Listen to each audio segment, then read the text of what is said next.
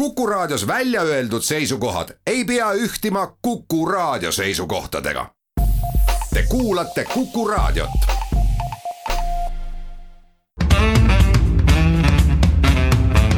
muuli ja Riikoja tere päevast, head kuulajad, kell on kaheksa minutit üle üheteistkümne ja et on reedene päev, siis ka saate Muuli ja Riikoja aeg ehk Kalle Muuli ja Hindrek Riikoja on Tartu maantee stuudios kohal tere päevast. alustame tänast saadet meile pisut äh, tavatult äh, välispoliitilise teemaga, aga Ameerika Ühendriikide presidendivalimised on küll, on küll selline asi, millest ei saa mitte keegi mitte kuskil maailmas mööda vaadata. valitsus saab, äh, Eesti valitsus siis hädapuhku saab uue ministri. keskkonnaminister Rene Kokk lahkub tervislikel põhjustel ja arvatavasti siis äh, homme EKRE volikogul esitatakse erakonnale, EKRE, EKRE volikogul siis esitatakse, esitatakse erakonnale kinnitamiseks äh, uue ministrikandidaadina Rain Epler. räägime kindlasti koroonaviiruse olukorrast, see nädal on püstitanud äh, rekordeid koroonaviiruses haigestunute arv ja valitsuses peetakse väga tuliseid vaidlusi selle üle, milliseid täiendavaid piiranguid peaks kehtestama ja neljandaks on taas põhjust rääkida suusatajatest, lund küll ei ole, aga äh, Aivar Rehemaa, endine suusataja, praegune siis treener, on saanud juba ajutise või võistluskeelu selle eest, et kasutas äh, Mati Alaveri siis äh, dopingupatuse endise treeneri abi ühe suusalaagri korraldamisel ja saate lõpetuseks räägime sellest, et äh, Kalle kolleegid justiitsministeeriumist on saatnud kooskõlastusringile eelnõu. mis siis äh, piirab äh, teatud kuritegude puhul ennetähtaegset vabastamist. muuli ja Riikoja Ameerika Ühendriikide presidendivalimised toimusid siis teisipäeval teisipäeval ja noh, meie aja järgi veel ka kolmapäeva hommikul, sest et Ameerika Ühendriikides ei olnud õhtu kätte jõudnud. Äh, tulemust, aga siiamaani selge ei ole, et kui siin kolmapäeva nii-öelda, kolmapäeva ennelõunani paistis, et äh, vastu oksa kõigile ennustustele osutub võitjaks siiski ametis olev president Donald Trump, siis praegu on veel lugemata või lõpuni lugemata võtta hääled viies, viies osariigis ja pigem ennustatakse juba siis seisu, et küll napilt, aga siiski võidab valimised äh, demokraatide kandidaat Joe Biden. noh, sellest, mis meie arvame, on, on tulemuse selgumise seisukohast suhteliselt nii-öelda vähe lugu aga seda, milline mõju ühel või teisel presidendil Ameerika Ühendriikidel võiks olla Eestile, selle üle rääkida saame me küll. no mina isiklikult arvan, et äh, Eestile on mõlemad enam-vähem võrdsed valikud, et äh, milline Trump oli, seda me teame, milline Biden oli või on või tuleb, juhul kui ta tuleb et seda on raske ennustada, aga. no ega me tegelikult seda ka siiski suures plaanis teame, sest et tegemist on siiski Barack Obama aegse endise asepresidendiga. kaheksa aastat asepresident olnud. aga nüüd ta muidugi on ka kaheksa aasta võrra vanem või ütleme sellest hetkest äh, mõni aasta, kui ta asepresidendi ametist lahkus. aga äh, tegelikult ju ega need presidendivalimised, äh, neid asju, mis Eestit puudutavad ütleme siis Ameerika poliitikat Eesti suhtes, Ameerika poliitikat Euroopa suhtes ja võib-olla ka Ameerika välispoliitikat üldse.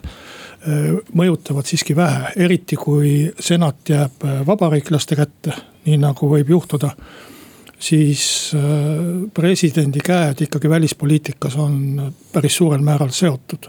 ja selles mõttes ei ole võib-olla Eestile väga olulist vahet, kumb neist presidendiks valitakse või, või valituks osutuvad et äh, mõlemal on oma, oma head ja vead, aga, aga noh, nii suurt vankrit nagu, nagu on Ameerika välispoliitika ikkagi ühe-kahe või kolme aastaga ei pööra, ma usun. no siin ma, mina arvan küll, et sa oled selles mõttes liiga sinisilmne, et Ameerika Ühendriikide presidendil on ikkagi väga arvestatav. juhul kui tal, juhul, juhul kui tal on oma äh, parlamendi toetus, äh, kui no, tal on senati toetus. no mitte ainult siis, vaid ka muudel puhkudel ja eks see meie, meie jaoks küsimused on, küsimusi on eelkõige kaks, et kuidas äh, kuidas, milline on edaspidi Ameerika Ühendriikide roll NATO-s ja selgelt nii-öelda Donald Trump põhjusel või teisel on seal nagu tahtnud seda rolli ümber mängida. ja teine küsimus on see, et kuidas suhtub, kuidas suhtub Donald Trump, noh ütleme, kuidas suhtub siis Ameerika Ühendriikide president nii-öelda no ma julgen kasutada sõna isevalitsejad, ehk eelkõige räägime, millised on suhted Hiinaga, millised on suhted Venemaaga, millised on suhted Põhja-Koreaga, et oleme ausad, neli aastat tagasi. ei arvanud mitte keegi seda, et Ameerika Ühendriikide president võiks, võiks sinisilmselt teatada, et et Põhja-Korea liider on tema päris hea sõber ja et ta peab teda, temast lugu ja peab teda väga võimekaks juhiks. et paljud analüütikud on ju ammu, ammu küsinud, et arvestades nii-öelda Donald Trumpi varasemat tausta, tema, tema suhtumist, tema maailmavaateid ja kõike seda. siis tegelikult on ju ka Vladimir Putin nii-öelda karmikäelise isevalitsejana temale pehmelt öeldes sümpaatne, et millal ta seda tunnistab avalikult ja kui ta peaks seda avalikult tunnistama mis mõtted tekitab see siis äh, Vladimir Putini peas, et selles mõttes sellised nii-öelda eelkõige julgeolekuga seotud ohud on väga selgelt olemas no,. ja väga äh, selgelt need sõltuvad Indrek, ka sellest, kes Indrek, on Ühendriikide president. Trumpi avaldused nii NATO kohta kui ka, kui ka Lõuna-Korea või vabandust, Põhja-Korea president äh,, äh, juhi kohta Äh, on äh, minu meelest ikkagi eeskätt äh, taktikalised läbirääkimisavaldused ja, ja poliitika sisu vaadates.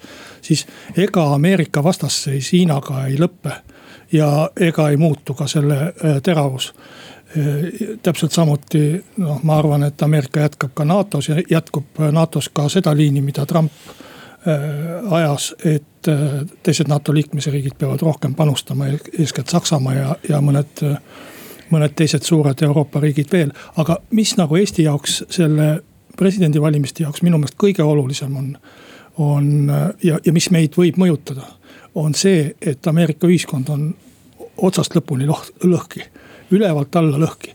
ja käib äh, selline äh, täiesti noh, äh, ikkagi üksteist välja tõrjuv või, või hävitada püüdev selline lahing paiguti ju sõna otseses mõttes tänavalahing. küll tulirelvi seal ei ole vist kasutusele võetud, aga, aga lõhuta-, lõhutakse, märatsetakse. ja, ja see ühiskonna lõhestatus on nii suur, et see võib pöörata Ameerika ka välispoliitikat selles mõttes, et Ameerikal ei ole enam nii palju jõudu ja aega tegeleda nende probleemidega, mis võib-olla meid huvitavad nii väga, vaid vaid need presidendivalimised keskenduvadki ja, ja tulevane president keskendubki sisepoliitilistele küsimustele rohkem. ja see on paratamatus tema enda äh, riigi olukorra tõttu. et meile oleks oluline, et meie kõige tähtsam liitlane, Ameerika Ühendriigid, oleks tugev, ühtne ja et tal oleks väga palju nii materiaalset kui ka vaimset jõudu tegeleda maailma probleemidega Äh, aga, aga, selles... aga, aga olukord on tegelikult risti vastupidine ja lihtsalt äh, mitte valimised ei põhjusta seda, vaid valimised on selle nähtavale toonud. ja, ja see, aga... see on väga, väga kurb asi meie seisukohast. jah, seda küll, aga vaata, seal on muidugi see eelis, et kui president nii-öelda, kui president on tasakaalukas, mida Donald Trumpi kohta kahjuks kindlasti öelda ei saa, aga kui president on taga, tasakaalukas, keskendub peamiselt sisepoliitilistele asjadele, siis tähendab see seda, et välispoliitika jääb diplomaatide, jääb diplomaatide hooleks ehk see on nii-öelda selgelt igal juhul vaoshoitum, igal juhul nagu tasakaalukam.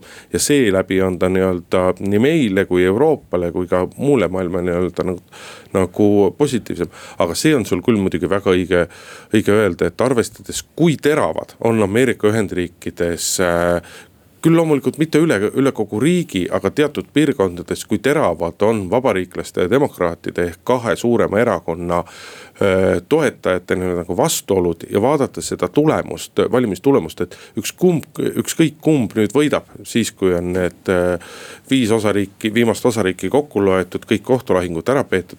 siis nii või naa presidente antud häälte järgi, valijameeste arv, see on teine asi, aga presidendile, presidendi toetuseks antud häälte järgi. noh, vahe on, on, on paar-kolm miljonit ainult, ehk sisuliselt ollakse pooleks ja nii-öelda noh rääkida siin Eestis palju räägitud asjad, kuidas EKRE lõhestab või mõni teine lõhestab. et kõik see on morsipidu võrreldes selle lõhestamise, lõhestumusega, mis on Ameerika Ühendriikides. Ameerika häda on, on selles, et seal on äh, isikuvalimised kahe kandidaadi vahel, et kui Eestis oleks ka nii, et oleks kaks parteid ainult. et siis meil oleks see olukord teravam, et meie proportsionaalne valimissüsteem ja, ja parlamentaarne riik natukene vahendavad seda konflikti, aga Äh, ega see konflikt ära ei kao, kui emb-kumb Ameerikas presidendiks saab, et see, see lõhestatus jääb ja, ja see on presidendile suur väljakutse. seda küll, aga noh, selgelt Donald Trump on pigem nii-öelda, ta üritab seda kon-, konflikti rohkem nii-öelda nagu õhus hoida ja, ja, ja Biden pigem läheneb nagu sedapidi, et ta üritab seda, ta üritab rahvast rohkem lepitada, aga teeme siinkohal väikese pausi. Muuli ja Riikoja jätkame saadet Indrek Riiko ja Kalle Muuli stuudios. Äh, valitsus ja EKRE on siis äh, sunnitud ministrivahetuse ees. Äh, Rene Kokk, senine keskkonnaminister, lahkub tervislikel põhjustel ametist ja Rain Epler, kelle nimegi me ilmselt ei sina, Indrek, ega mina tõenäoliselt ei olnud väga palju kuulnud enne seda. no me olime kuulnud jah, aga sellepärast, et ta on, on olnud, eks ole, ministri nõunik, aga, aga tõepoolest noh, see piirdus sellega, et mõne, mõne rahandusministri nõunikuga ma olen töö käigus äh, kokku puutunud ja ja, ja mingisuguse nõupidamis või arutelu laua taga istunud, aga. no kuule, sina oled ju temaga kõik selle aja lausa ühes majas töötanud. jah äh,. äh superministeeriumis. majas, milles on kuusteist korrust ma arvan, et, et ega meil palju tema iseloomustamiseks ei olegi ütelda, et nii palju kui kuskilt taustaandmetest loetud on, ta on siis juba varem enne EKRE-t olnud paaris erakonnas, Isamaas ja Reformierakonna nimekirjas on ta kandideerinud viimastel kohalikel valimistel. ja kui see nüüd trükiviga ei olnud, siis sai ta Võru vallas, kandideeris siis kaks häält ja ma arvan, et enam-vähem sellega nagu see teadmine piirdub, mõned äh, väikeettevõtluse äh, asjad juurde lisada. Äh, ja, ja siis töö ja kauaaegne tutvus praeguse rahandusministri Martin Helmega. et viimastel valimistel ta minu teada riigikogu valimistel ta ei kandideerinud EKRE nimekirjas ja, ja EKRE-sse astus ta alles nüüd üsna hiljuti. jah, et äh, valik iseenesest on selles mõttes nagu huvitav, et, et kui me vaatame noh, tegelikult märgid selle kohta, esimesed märgid selle kohta, et, et ta võiks tagasi astuda. et Rene Kokk võiks tagasi astuda, tulid väidetavalt juba nii-öelda kevade lõpus vastu suve algust, kui oli juttu sellest, et eh, tervis ei ole nagu kõige parem ja. ja on selliseid soovitusi antud, et, eh, et eks see kuldne küsimus on, et eh, miks tehti selline valik, miks võeti taaskord üks ministri nõunik, mitte ei edutatud kedagi parlamendi fraktsioonist, sest et vähemasti Peeter Ernits oli küll väga hakkamist täis selleks, et keskkonnaministriks asuda, noh, ma küll isiklikult arvan, et jumal tänatud, et. et Peeter saab rahulikult riigikogu tööd edasi teha, et, et need konfliktid, mis oleksid tekkinud temal keskkonnaministeeriumis, ma ei, noh, ma ei usu, et kas see mäng oleks neid küünlaid väärt olnud. noh, iseenesest ei ole selles ju midagi enneolematut ja ei ole ka midagi ma ütlen sulle vahele, et tõesti kaks häält jah, täitsa õigesti mäletad. et, et iseenesest ei ole midagi paha selles, kui, kui tuleb ka mõni inimene, kes ei ole valimistel kandideerinud ja, ja rahva mandaati saanud. et seda on enne tehtud ja äh, sageli täitsa heade tulemustega on praktiliselt kõik erakonnad seda võimalust vahel kasutanud. iseasi, et väga palju selliseid inimesi valitsuses ei peaks olema, noh, kui seal on üks, kaks, kolm siis sellest täitsa piisaks, aga aga eh, küll ma arvan, et on üsna paha see, kui ministrikohti antakse inimestele, kellel esiteks puudub igasugune tuntus ühiskonnas. on, on praktiliselt ikkagi mees metsast ma ei tea, Aimar Karu oli ka ikkagi avalikkuse jaoks mees metsast, aga nii-öelda ministritööga no, sai oli, tegelikult ta, hästi hakkama. oma IT-ringkonnas, selles oma... valdkonnas. ja, ja teiseks ma arvan, et ministriametisse määramisel peaks olema ka inimese jaoks äh, või olema mingi hea põhjendus, kui sa võtad ta väljaspoolt äh, mandaadita inimesi. kas ta on siis oma valdkonna tuntud ja hea spetsialist, antud juhul peaks siis olema keskkonnaspetsialist. või ta on, tal on mingeid saavutusi mingis vallas või ta on lihtsalt tuntud ja populaarne inimene, kes äh, mingil põhjusel ei ole saanud valimistel kandideerida, aga. aga muidu võiks olla, ütleme selle valdkonna inimeste ootus või mis iganes. et äh, praegu ma tegelikult, ma arvan, et noh võib-olla ta saab imehästi oma ametis hakkama, taevas teab. aga kõrvalt vaadates on küll täiesti võimatu seda hinnata, sellepärast et tegemist on noh, ikkagi avalikkuse jaoks tundmatu inimesega. ka keskkonna vallas tundmatu inimesega ja ka poliitikas tundmatu inimesega, et ei ole ka mingisugust erilist poliitilist kogemust või. või, või poliitilisi saavutusi. et selles mõttes ma arvan, et ei ole hea, kui ministrikohti Äh, niiviisi antakse, ma, ma räägin põhimõtteliselt.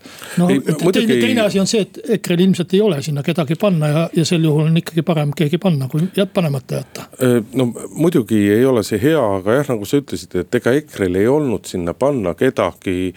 Äh, eks EKRE on saanud selle pooleteise aastaga hakka, aru sellest, et, et ministriamet on piisavalt keeruline ja piisavalt suure töökoormusega, et sa sellist nii-öelda justkui suuvärgi poolest sobivat inimest ei saa sinna panna, juhul kui, kui temast nii-öelda reaalselt sisu taga ei ole ja.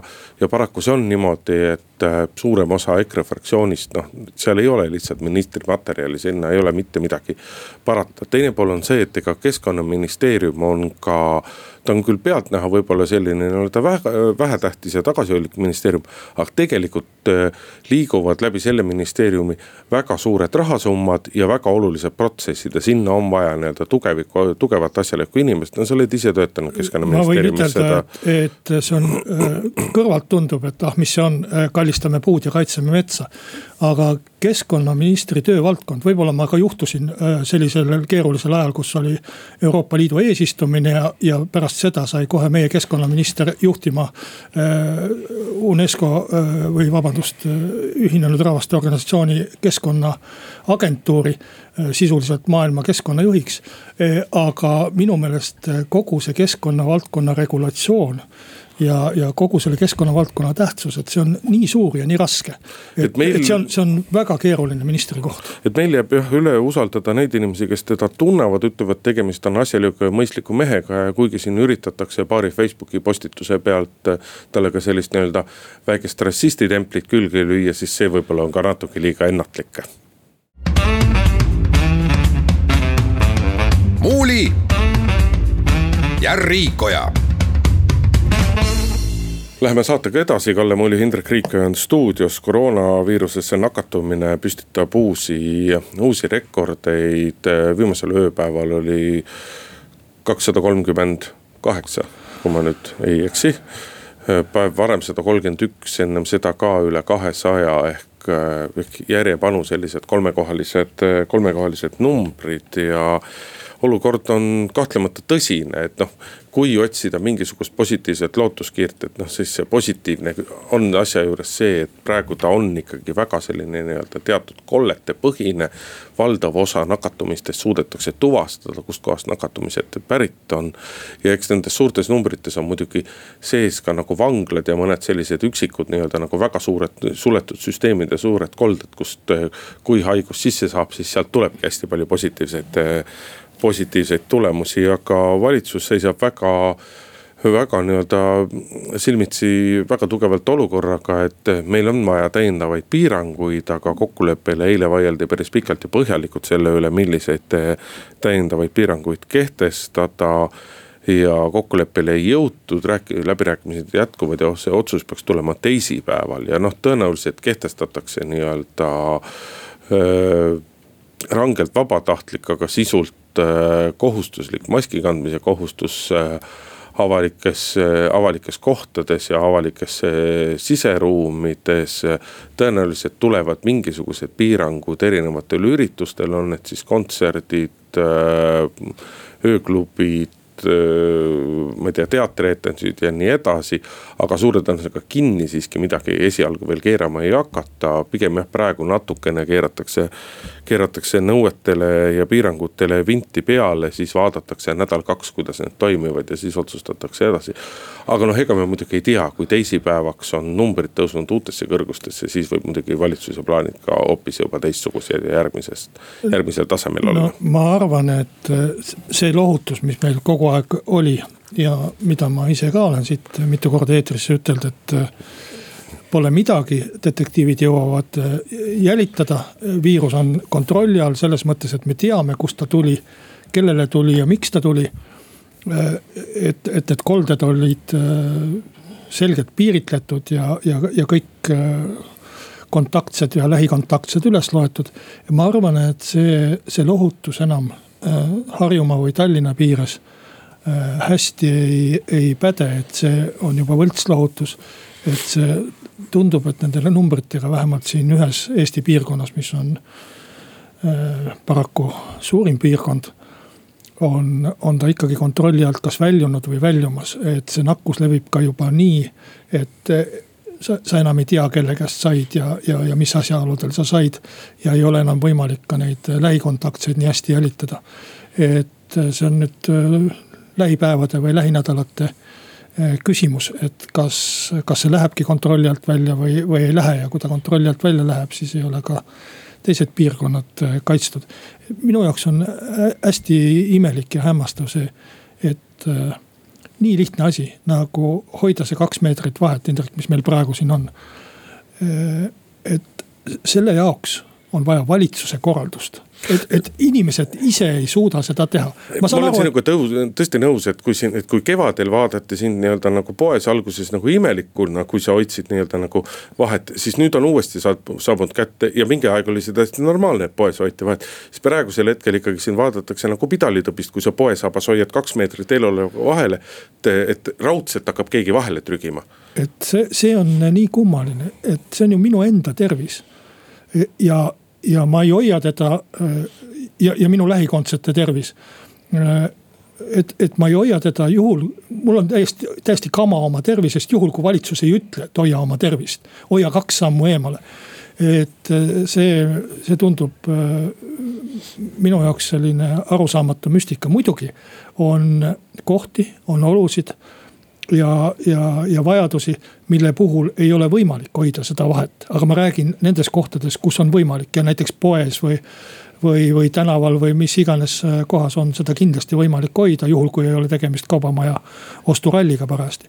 aga äh, nendes kohtades siis, kus ei ole seda vahet võimalik hoida äh, targem on nendesse mitte minna, seda ütleks ma esimesena, et kui, kui, kui ei ole vältimatut vajadust minna ärge minge sellistesse kohtadesse. teine asi, et kui ikkagi on, on hirmsasti vaja minna, noh mingid tööasjad on sellised kindlasti et äh, siis tuleks kanda maski ja head maski, mitte lihtsalt äh, siidisalli.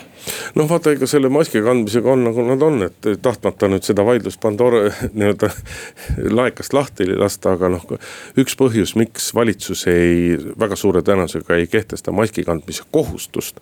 et, et üks põhjus selles on nagu see, et äh, sellele, sellega ei ole päris nõus õiguskantsler, viidates muuhulgas sellele, et noh, et me ei saa nii-öelda inimestele panna rahalisi kohustusi peale aga noh, teine pool ka, miks valitsus maski kandmise kohustust ei kehtesta, on siiski see, et ega noh, kui me ausad oleme, siis. maskist kindlasti kuskil mingisuguses kohas võib olla abi, see võib olla toeks, aga ega ka teadlaste seas ei ole lõplikku, lõplikku üksmeelt selles, et, et kas tegelikult maski kandmine siis nagu reaalselt aitab või ei aita, eks ole no,, et kas sul on praktikat vahe, praktilist vahet, et kas sul on mingisugune noh, ütleme moodne sihuke vähe paksemast materjalist eh, mask ees, on sul ise tehtud kolmekihiline mask või on sul siis mingi meditsiiniline mask ees. noh, loogiliselt võttes, eks kui midagi ikkagi näo ees on, siis äh, ükskõik, mis see protsent on. Äh, midagi ta peaks aitama, aga. aga vaata, see eeldab see, et inimesed kannaksid maske õigesti, aga see meie kõige olulisem probleem on see, et valdav osa inimesi ei kanna seda maski aga, õigesti, et ei ole õigesti ma, ees, seda ei vahetata piisavalt tihti ja nii edasi kui ma vaatan näiteks Leedut või, või, või mingit teist riiki, kus ma olen käinud oma silmaga vaatamas. Leedus ju kehtib äh, poes ja ühistranspordis maski kandmise kohustus alates augustist. ja veel hiljaaegu oli neil tulemuseks see, et nakkuse levik oli kolm korda või kümme korda suurem kui Eestis. ei no ega see on, ega Aga... see on üle Euroopa, kui sa vaatad, et me ei saa öelda, et need riigid, kus on maski kandmise kohustus kehtestatud, et nende riigi, riikide numbrid ei peegelda selle Aga..., seda, et sellest on tohutult palju abi. see probleem on seal selles ju, et et ega pood ei ole kõige suurema nakkuse leviku koht, kõige suurema nakkuse leviku koht on meil terviseameti ja teadlaste poolt ju kirjeldatud, need on peod, need on baarid, ka töökoha puhkeruumid kõik kohad, kus inimesed on pikka aega kinnises ruumis koos, hooldekodud, vanglad. ja noh, väga paljudes nendes kohtades tegelikult maski ei kanta või ei saa kanda. ja siis võib-olla, et nendes kohtades, kus nakkus vähe levib, väga vähe inimesi saab nakkusega ilma maskita. seal paneme nagu kohustuslikus korras siis maski ette, mis ei aita tegelikult midagi. et kõige tähtsam on ikkagi see vahe hoidmine ja mitte siis minna sellisesse kohta, kus on ohtlik, kui sa vähegi saad ja kui tõesti Äh, tõesti ei saa, noh pane siis see mask ette, võib-olla on abi. Näiteks teatrid kehtestasid meil kohustuse maske kanda või, või palusid maskidest tulla. mina lõpetasin pärast seda teatris käimise ära, sest mask minu jaoks on signaal, et see koht on ohtlik, see koht on nakkusohtlik. ja kui mul ei ole elulist vajadust minna teatrisse, no ma võin ka kevadel minna sinna või aasta pärast minna sinna, siis ma lihtsalt ei lähe sinna. muuli ja Riikoja. Jätkame saadet, no tundus juba, et saame nendest suusatajate dopingulugudest äh, priiks ja, ja, ja. võtta näpust. ja ongi juba uus, uus äh, ajutine dopingu või äh, antidopingu poolt kehtestatud keeld, sedapuhku siis küll äh, Aivar Rehemaal, kes äh, on alustanud äh, oma suusatreeneri karjääri värskelt ja korraldas äh, tema gruppi kuuluvatele või siis soovijatele suusatajatele laagrit Soomes. ja palus siis selleks äh, abi. kedagi muud ta siis endale appi ilmselt ei leidnud, kui palus abi kurjategijalt. Äh, dopingu eest juba karistada saanud kindralilt, nii ta hüüdnimi vist oli ja, ja tulemuseks oli siis see, et, et Soome, Soome suusaliit pöördus. jutt käis siis Mati Alaverest, et võib-olla kõik ei tea, kes kindral on.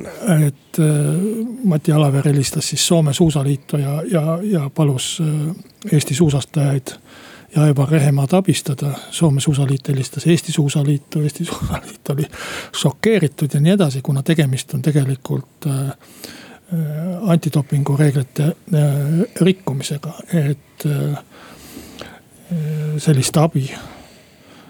see on vist keelatud seo-, seotuse nime all tuntud nendes reeglites. sellist abi ei tohi küsida ja, ja saada inimeselt, kes on siis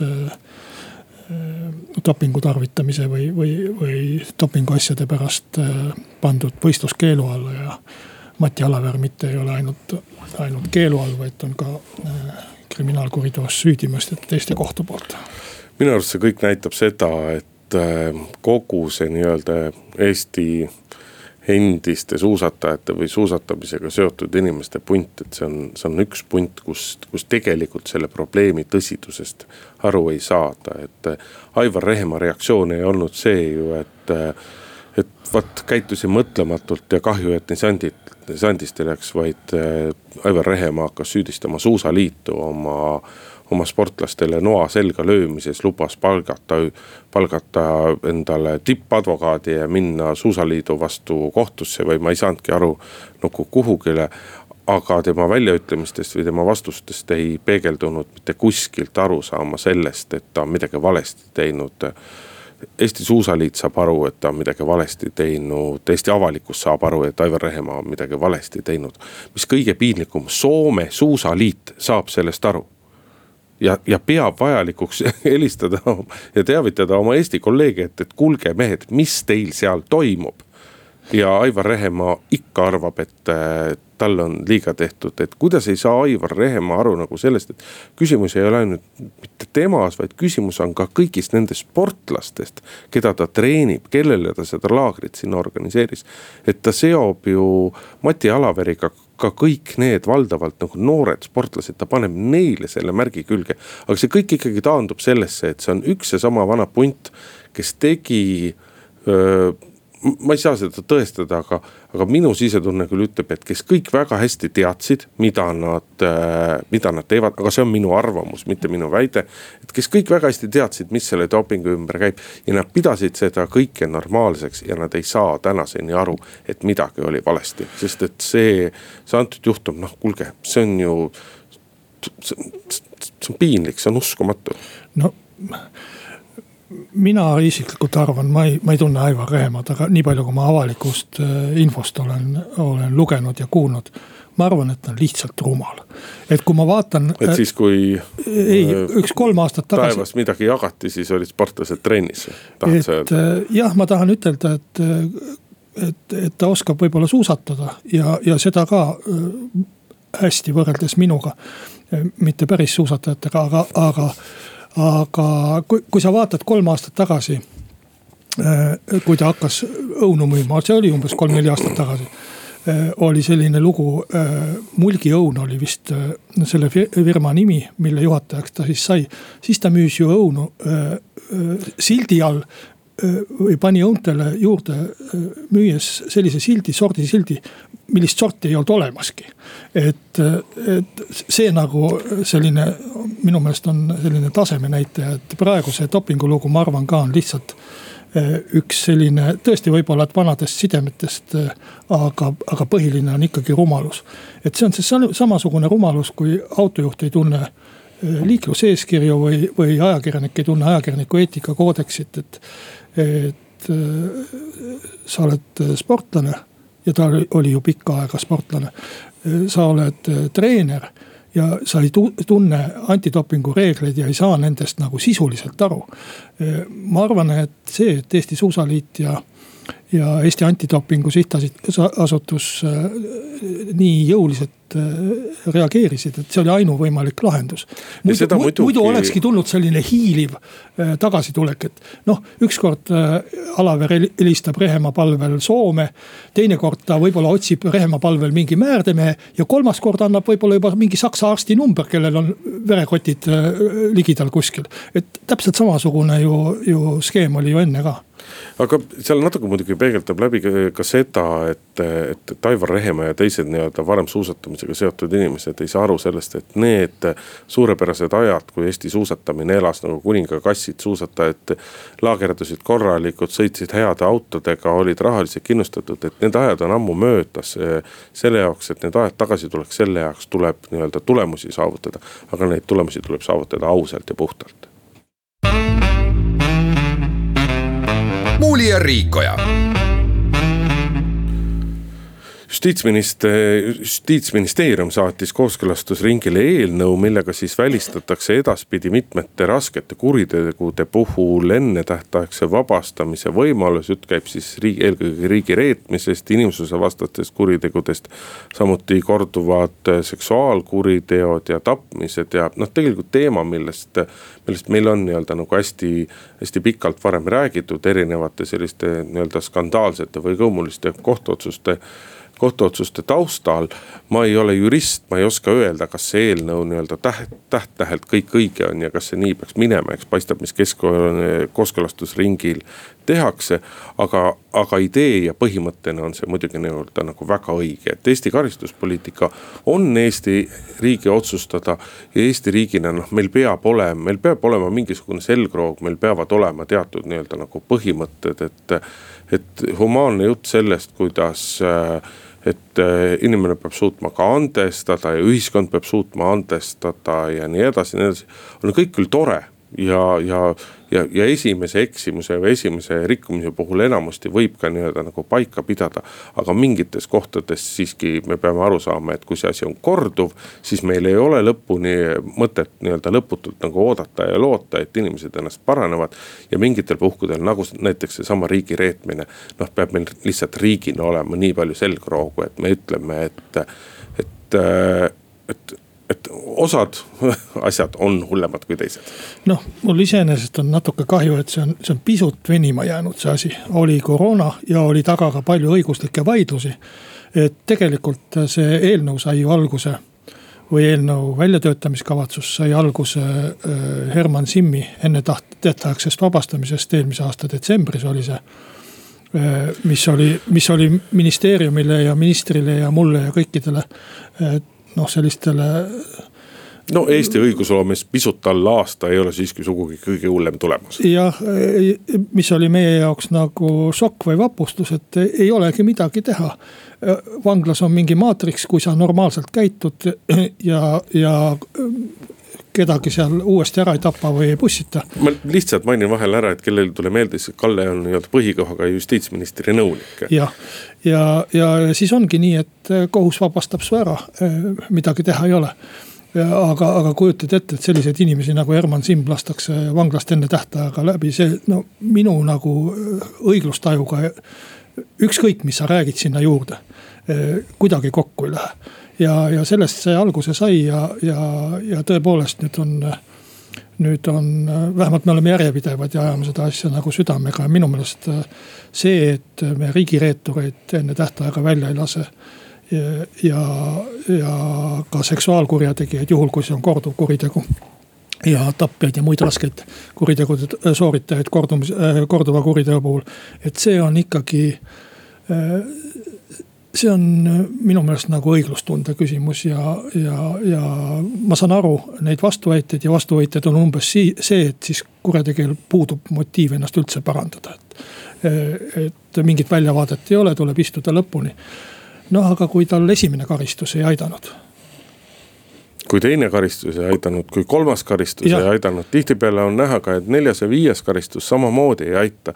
et siis eh, lõputult ei ole mõtet olla humaanne, sellel ei ole nii-öelda praktilist väärtust ja meie ühiskond kaotab, meie ühiskonnal on lihtsalt palju rohkem kaotada kui võita. õigussüsteemi autoriteet kindlasti ka ja, ja see, kuidas inimesed ühiskonda Äh, tajuvad, kõik, kõik tajuvad seda, et sa võid äh, teha mida iganes.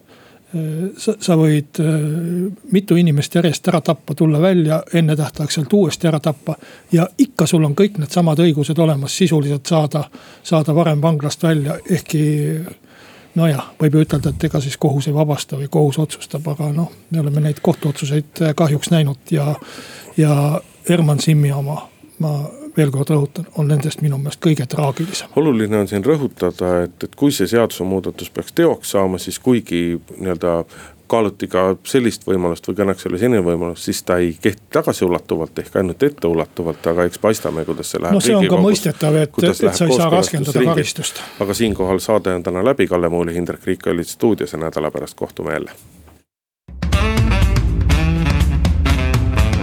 muuli ja Riikoja